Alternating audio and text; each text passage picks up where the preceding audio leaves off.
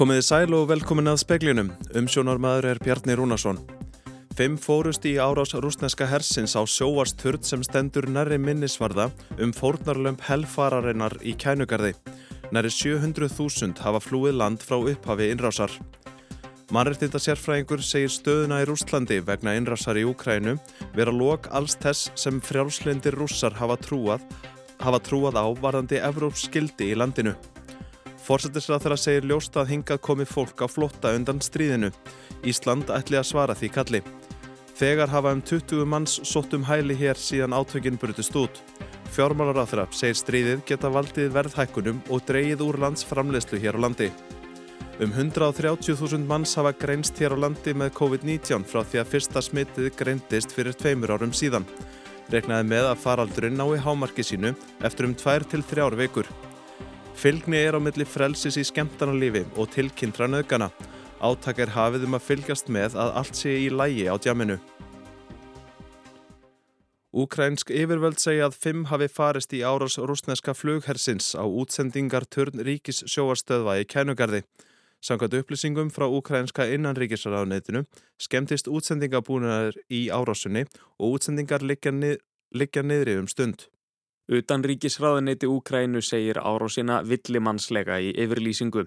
Turnin sem umræðir stendur nærri minnisvarða um fornarlömp nazista í Babín Jar, þar sem nazistar myrtu 33.771 giðing á tveimur dögum haustið 1941.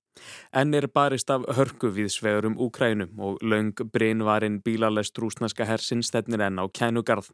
Greinendur BBC segja að eitthvað hafi búrið á bilunum sem hafi tafið lestina.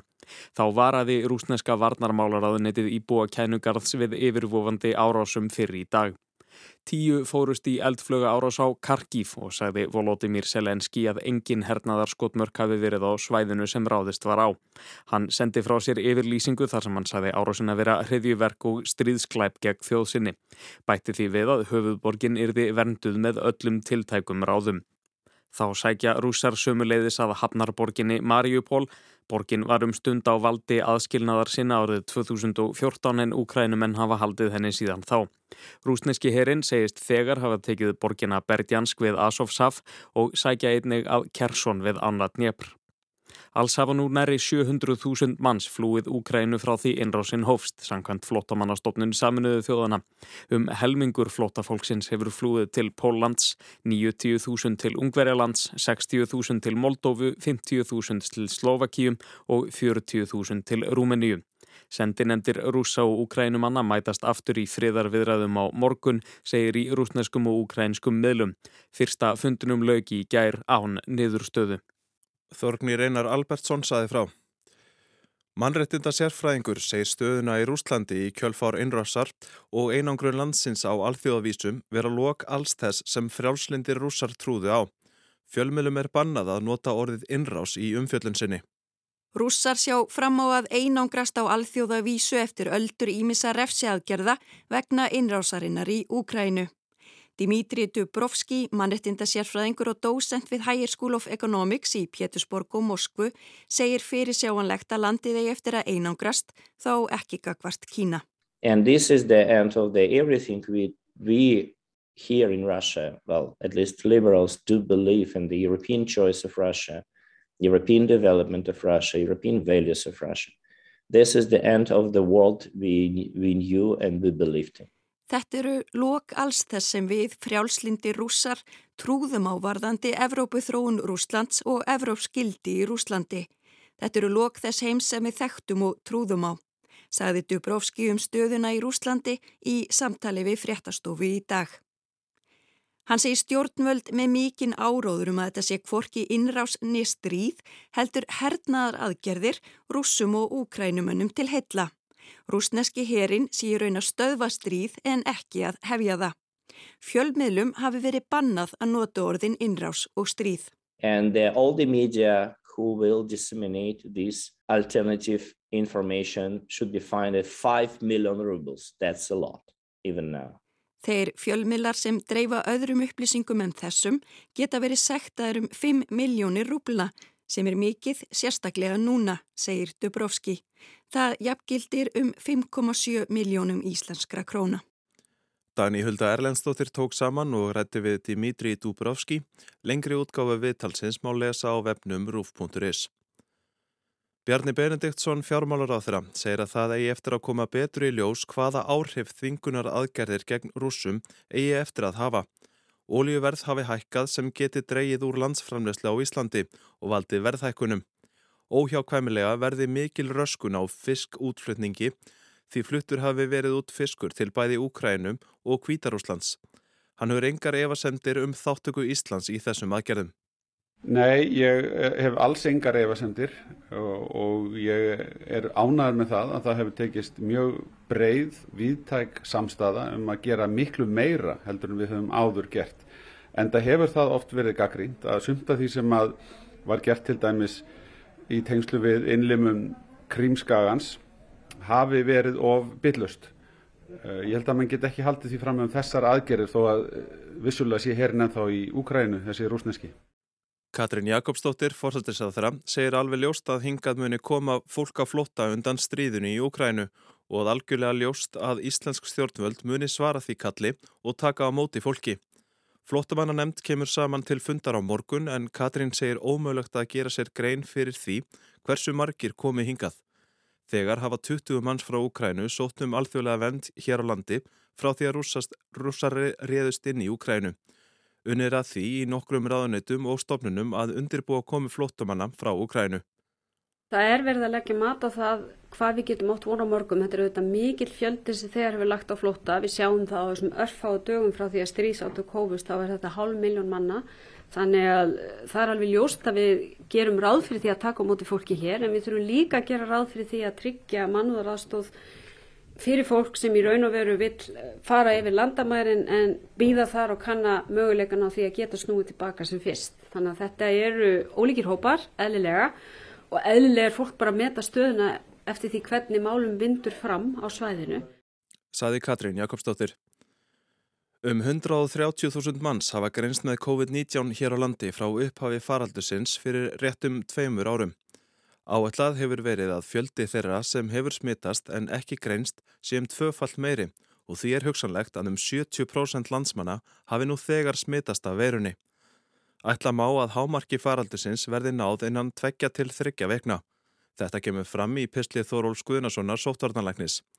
Hann segir áfram mikilvægt að allir gerir sér grein fyrir að COVID-19 sé enn stórt helbriðsvandamál á Íslandi þrátt fyrir að sóttvarnar aðstöðunum hafi verið aflétt. Átækinu er allt í góðu, var hrundið af stað í dag.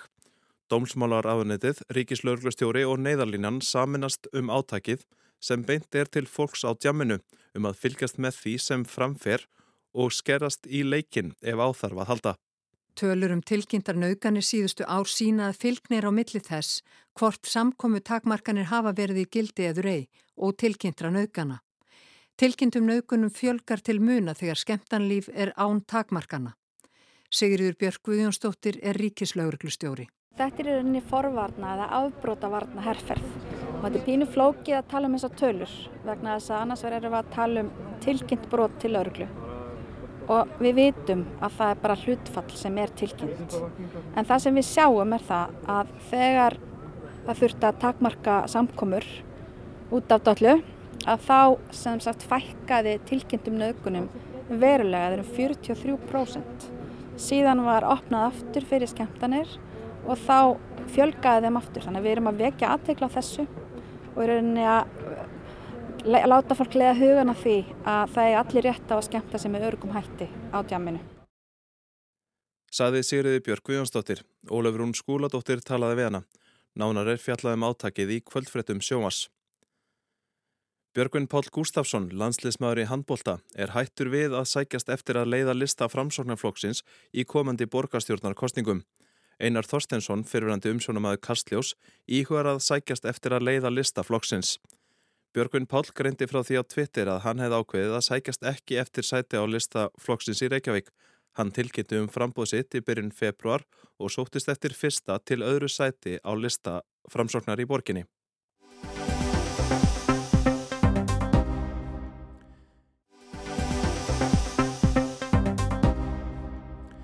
Í speikli kvöldsins verður fjallað um nýjútkomna skýslu um lofslagsbreytingar. Þá ræðum við um það hvernig eigi að ræða við börna um stríðsátök líkt og þau sem geisa nú í Ukrænu. Og senast en ekki síst, milli 8 og 900 íslenskir karlar greinast með krabbamein árlega. Algengasta meinið er krabbi í blöðruhálskirtli. En karlarnir eru dálitið treyir að leita til læknis, jafnvel þó þá grunni að ekki sé allt með feldu. Þessu vil krabbaminsfélagi breyta nú þegar Mottumas er hafinn. En fyrst að lofslagsmálum. Samfélög þurfað að laga sig að lofslagsbreytingum og grýpa til tafarlösa aðgerða. Tíðari þurkar með tilhörandi gróðuröldum og öfgafillra veðurfar er veruleiki sem fólk þarf að búa sig undir. Þetta er meðal þess sem kemur fram í skýslu vinnuhóps milliríkja nefndar saminuðu þjóðana um lofslagsbreytingar sem kom út í gær. Milliríkja nefnd saminuðu þjóðana um loftslagsbreytingar eða EPCC gefur á nokkra ára fresti út matskíslur þar sem vísindarleg þekking á loftslagsbreytingum er dreginn saman með megin áherslu á breytingar af mannaveldum. Verkin er skipt niður á þrjá vinnuhópa og skoðar sá fyrsti orsakir og umfang loftslagsbreytinga. Annar hópurinn sem hér er fjallaðum skoðar afleðingar þeirra fyrir náttúru og samfélög og til hvaða úrreða megi grýpa til að aðlagast breytingunum. Þriði hópurinn skoðar síðan hvernig hægt er að draga úr losun gróðursoloftegunda. Speilin rætti við önnuhuldu Ólafsdóttur, forstuðumann skrifstofur lofslagstjónustu og aðlögunar á viðstofu Íslands. Við getum sagt að skíslan hún dregur fram mikilvægi þess að samfélagum allan heim grípi til aðgera til þess að spórna við loftlagsbreytingum og þá eru við mitt ekki bara að tala um uh, að losa satt, losun og fjarlaga gróðrúsuloftur og andrúsloftinu, heldur þurfum við líka sama hvað sviðsmynd mun raungerast aðlagast óumflýjulegum áhrifum loftlagsbreytinga þannig að það er svona, ég mun að segja líkil atriðu úr skýrslunni og svo líka bara að það er talið enn mikilvægara heldur en áður að aðluguna áhrifum loftlagsbreytinga séu svona leiðandi þáttur í hildar stefnun samfélag um allan heim. Og að því að eins og segir í skýslunni þá eru loftlagsbreytingar og við bæði velferð, fólk, stýra og helsujarðar og ef að það verður frekari senkun á svona samhendum aðgerðum og heimsvísum þá getum við bara glata þeim tækifærum sem við höfum núna til þess að skapa svona lífvanlegri og sjálfbarari framtíð mm. og það kannski ágætt að koma inn á það en, en svona staða Íslands í þessu að því nú talaði ég um sko svona samhend eh, samhendra aðgerðir sem að í sagt, stefnu samfélaga að það var mikilvægt að staða Íslands í aðlunamálum hefur notið mikið framgangs á undarförnum árum og missurum. Það ber kannski hægt að nefna að það var bæði kvítbók um aðluguna loftlagsbreytingum sem munnu var að starfsópi 2021 og í kjölfari þá var sagt, drög að stefnu sem byggði þessari kvítbók sem kom út líka 2021 sem ber nafnið í ljósi loftslags af ár og svo er það sagt, stopnum þessara skrifstofu sem ég fer fyrir núna hjá Viðstofu Ísland sem er þá skrifstofu lofslagsstjónustu aðlugunar og næstu skrif væri þá að, að fara í vinnu við aðgerðar áallin þar sem að atriðum sem við þurfum að grýpa til hérna á Íslandi til þess að, að, að hérna, búa okkur undir nýjan raunveruleika hvernig við ætlum að gera það og hvað er sem við ætlum að gera Eins og hvað? Hverju þarf að breyta? Það er ímislegt, við þurfum að búa okkur undir sko að takast á við bæði þetta kann að, hérna, að valda svona ákveðnum miskilningi því við getum bæði búið okkur undir að sko þurrkadögum kann að fjölga og sem hefur þá afleggingar að bara tíðar í gróður og skóar elda til dæmis. Og svo er það líka úrkoma ákefð og bara ofankomu ákefð um, þar sem að flóða hætta eikst og ímis bara tjón og mannverkjum almennt. Það er alls konar hérna, álag og veitukerfi og ímislegt og svo er það sjáabóshækkunin um, og það er náttúrulega flóðahætta sem eikst þar um, og hérna meiri segja það, það er í rauninni líka bara sko flóð sem koma með ákveðnu millibili sem að gerast eðlilega þau verða herri með hækkandi sjávarstöðu. Þannig að ágengni flóða getur aukist um, eða mun aukast. Og svo um, náttúrulega rúmál jökla mingar sem hefur líka hérna ímislegt í fara með sér breytingar orðfjörfegum og slíkt og hlínun veðufars hefur líka áhrif á vistkerfin hérna hjá okkur. Og bráðnun sífrera, það hefur líka áhrif á, á bara skriður. Svo er það kannski síðast en ekki síst súrnun og hlínun sjávar. Um, en súrnum sjávar gerist hraðar hérna uh, við strendur Íslands heldur en á mörgum öðru stöðum í heiminum sögum legulandsins. Það hefur áhrif á lífríki og sem eru afleggingar sem við sjáum ekki alveg fyrir endan á hvernig, hérna, hver þar, hverjar þar munu verða. En hverjar eru helstu niðurstöður í þessum aðlugunar hluta skíslunar? Það er til dæmis að loftlagsbreytingar á mannavöldum þar með talið bæði svona tíðari og alvarlegri náttúru váatbyrðir.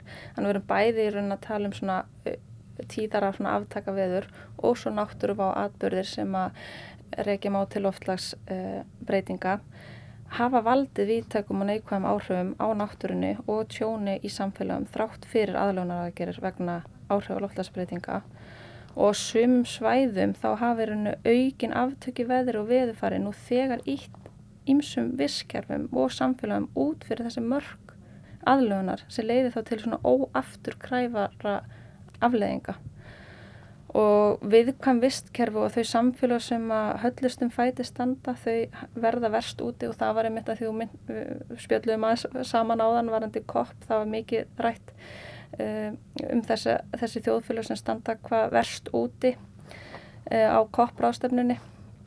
Nú á sömum svæðum það hafa aukin aftöki veðri og viðfæri nú þegar einmitt á ítt þessum visskerfum í svona óefturkræfar afleggingar. Það er dreyið fram í skýslinu að það séu alltaf 3,3 miljardar manna sem búa við aðstæðar sem eru mjög viðkvæmar gagvart loftlagsbreytingum og það sé raunni líka mjög hátt hlutfall dýrategunda og sumulegis sem er mjög viðkvæmt fyrir loftlagsbreytingum. Útdauði tveggja dýrategunda er rækinn beint til loftlagsbreytinga. Tegund sem nefnist Bramble K. melomis var mús sem bjó á lítilli ástralskri eigu.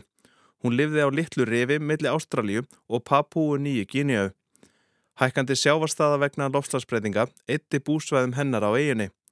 Hinn tegundin er Golden Toad gilt karta eða froskur sem bjó aðalega í fjallendi í Kosta Ríka. Skóareyðing af mannavöldum er talin helsta ástæðan fyrir því að tegundin telst útdauð. En hvernig stendur Ísland hvað varðar aðlugun? Við stöndum svona sem betur fer vel meða við rosa marga aðra í heiminum. En við, það þýðir samt ekki að, að við þurfum ekki að undirbúa okkur. Við þurfum að undirbúa okkur, við þurfum að fara í gegnum og setja sagt, aðlugun eh, inn í alla stefnu stjórnvalda og við þurfum að, hérna, að breyta ímislegu hvernig hérna, hvar við hérna, byggjum húsin okkar og, og hvernig og hvernig samfélagin hérna, við sjáum fyrir okkur að við ætlum að hafa í framtíðinni. Saði Anna Hulda Ólafstóttir.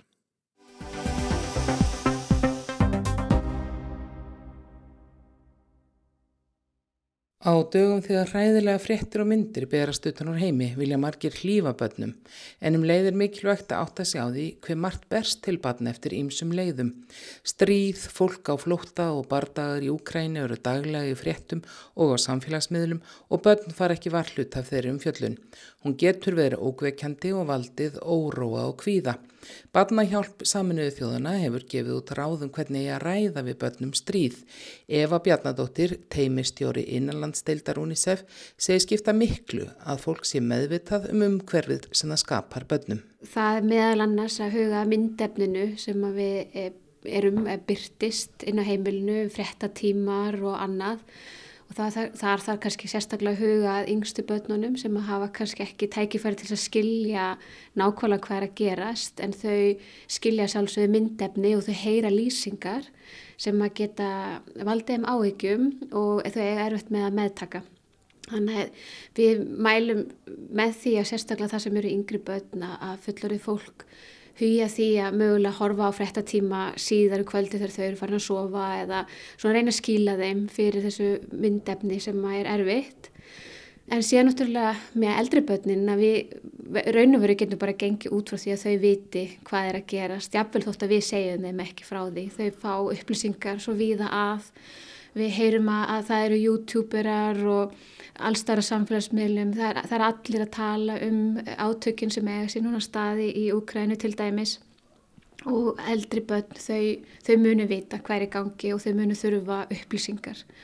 Þannig að það, með eldri börn mælum við sérstaklega með að, að fóreldrar og, og, og, og fólk sem er börnunum nákomið ræði málinn og setjast niður með þeim aðtöku hvaða spurningar þau hafi, ekki gefa sér hvað þau vilja vita, heldur fá, hérna, fá svolítið fram hvað, hvað þau vilja spurja um, hvað þau hafa áökjur af og leifa þeim að ræða málinn, opið og viðra áökjur sínar, það er alltaf mjög mikilvægt.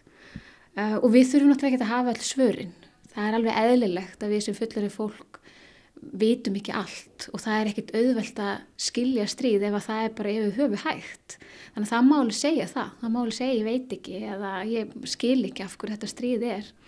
En almáli er er að eiga þetta samtal og, og þau fái hlustun. Eva segir að það sé skinsamlegt að opna þetta samtal og hafa frumkvæði þó að ekki sé endilega gengið út frá því að börn hafi áhyggjur. Í þessu eins og öðru skiptir miklu að reyna ekki að glatta yfir og að segja satt og rétt frá og við getum alveg gert það án þess að valda áökjum og við þurfum um leið og við erum að segja frá hver staðan er að þá getum við líka hughrist og við getum bent á lausnir, við getum bent á hversu margir eru aðstóða, það eru alþjóða samtök, hjálparsamtök sem eru á staðinum og eru að veita fólki eh, aðstóð. Um, það er þetta að benda á allt, svona, þau jákvæðu skrif sem eru tekinn til að hjálpa og koma á friði en það er líka þetta að benda börnunum sjálfum á sko, leiðir sem þau geta farið til þess að hjálpa til og þau geta sjálf styrt við eitthvað hjálpasamtök eða þau geta haldið tombólu eða þau geta með einhverjum hætti sínt samstöðu og það getur hjálpa þeim að vinna úr áhyggjum eða einhverjum tilfinningu sem þau hafa kakvart þessum aðstæðum.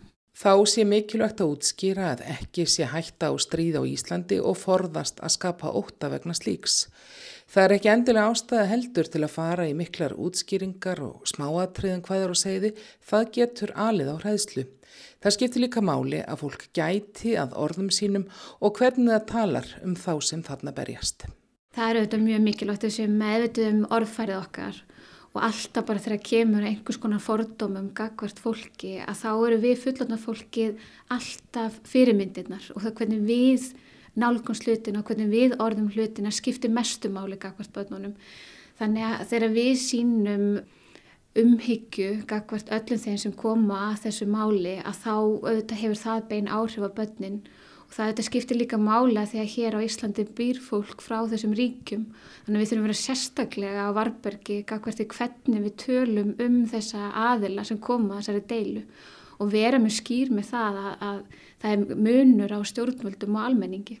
Ég held að sé kannski þauðmálpöttareglan er að hlusta. Það er að hlusta eftir því hvað börn vilja spyrja um og, og hvað, hvað áhyggjur þau hafa og leifa þeim svolítið að leiða samtalið áfram. Saði Eva Bjarnandóttir. Anna Kristín Jórstóttir talaði við hana. Krabbaminn í blöðruhálskirtli, í ristli eða endaþarmi og í lungum eru þrjú algengustu krabbaminn meðal íslenskara karla. Þeir eru dálitið treyir til að leita tímalega til læknis, þó þeir finni til einkenna sem gætu bent til þess að meini sé farið að gera vart við sig. Krabbamennsfélagið freista þess nú að breyta þessu viðhorfi. Mottumars hóst í dag og Sigrún Elva Einarstóttir er í öflugu liði þeirra sem vinnað fræðslu og forvörnum hjá félaginu á hverju einast ári þá er að greinast hérna á milli 8 og 900 kallar með einhvers konar krabbamein og það allra algengasta blöðrálskirtilskrabbameini það eru rúmlega 200 kallar þannig að þetta eru náttúrulega fjölda margar tegundir krabbameina þó að þetta séu þrjú algengustu. Hver eru svona helstu enginin svona almennt? Já, núni máttum að sér við mitt að vekja aðtegli á að maður eigi að bregðast við einkennum og þau geta verið alveg ótrúlega margvísleg. Allt frá því að það sem að kannski á að bregðast við og fólk kannski þekkir er að ef það er eitthvað sem breytist varandi hægðir eða klósetferðir og er þannig langan tíma þá ætti að hugsa um og leita til læknis. Líka ef maður er langvarandi til þess kviðverki, þetta getur líka verið að því að það eru svo fjölmur krabba minn að stundum eru það geta verið sár sem einhvern veginn gróa ekki eða gróa og svo koma þau aftur. Það geta verið hnútar, hnútar geta verið hvar sem er en sérstaklega fyrir kall þá eru eistu náttúrulega staður sem að geta komið hnútar, þau geta verið agnar litlir og kallar geta fengið brjóstakarpmein þannig að hnútur í brjósti kalls þá vera vakandi fyrir því, líka bregðast við því. Ef að maður léttist án nokkura skýringa, maður er ekki búin að orðin allt í norðum vegan eða farin að reyfa sig markvælt meira en maður gerði, maður hefur ekki skýning á því, þá það ringja einhverjum bjöllum. Já, þetta er svona nokkri þættir en það eru svona þrjár þumalblutareglur líka varðandi að þetta eru það mörg einkenni og öll þeirra geta stafað einhver öðru og mennlausara en krabbamennum sem betur fer. En ef að eitthvað er öðruvísi en það vant að vera og ef það er ítaldið langan tíma og maður hefur ekki útskring á því. Það er ekki þannig að mann er illt í bakina því maður dætt með veslunarlegin einhver staðar. Það er þetta þrenn. Það er eitthvað öðruvísi, það er ótskýrt, þú veist ekki akkur þetta er svona og hefur ekki skýring á því og það er viðvarandi og þá er ég að tala um svona þrjár, fjóra, fimm vikur. Það á að ringja bjöllum og þá er að hafa samband við lækni, ekki draga þetta og draga þetta eins og virðist köllum því miður. Nokkuð tamt að gera og allavega tamara en konum. Af hverju er það? Já, þú spyrð, við spyrjum líka og við viljum endilega allavega breyta því.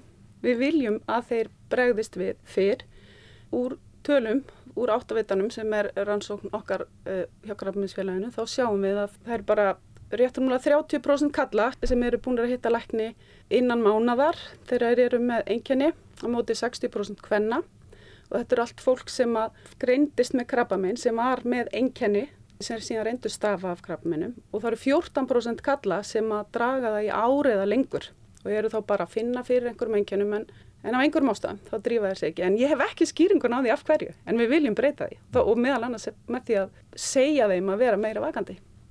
En það að draga þetta svona, það hefur, getur haft alvarlega rafleðingar?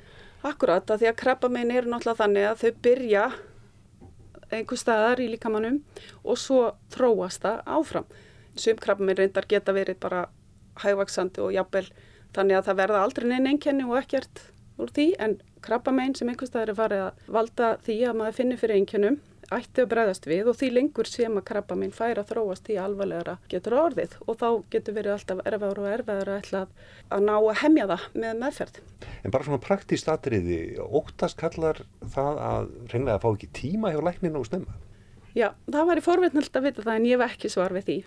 En það er einmitt spurning, hvað er það sem veldur? Við vitum það ekki. Er það það að þeir þekk ekki einkennin, þekk ekki að einhver ákveðin einkenni geti verið meir en bara einhver endalus, einhver hálsbólga sem er í fleiri, fleiri mánuði eitthvað eða þeir halda það eða sé bara allt í lægi að vera alltaf illt í manum og þetta sé ekkert alvarlegt, ég hreinlega veit ekki að það eru þeir hrættir, við viljum allavega breyta því að þeir drægi það ekki. En ég hef ekki skýringar á afhverju hér áður fyrir þá var orðið krabbaminn, það var nánast bara döðadómur.